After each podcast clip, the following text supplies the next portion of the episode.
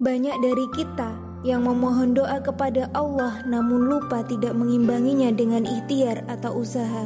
Bisa dibilang doa tanpa ada usahanya. Bukankah itu hanya sia-sia yang tidak melahirkan apa-apa? Padahal Allah telah berfirman, sesungguhnya Allah tidak akan mengubah keadaan suatu kaum sampai mereka mau mengubah apa yang ada pada diri mereka sendiri. Lantas, apakah dengan doa dan ikhtiar sudah cukup? Belum. Dan barang siapa yang bertawakal kepada Allah, niscaya Allah akan mencukupkan segala keperluannya. Jadi sahabatku, yuk mulai dari sekarang sertakan tawakal dalam doa dan usaha kita. Semoga Allah meridhoi kita. Amin, amin, amin ya robbal alamin.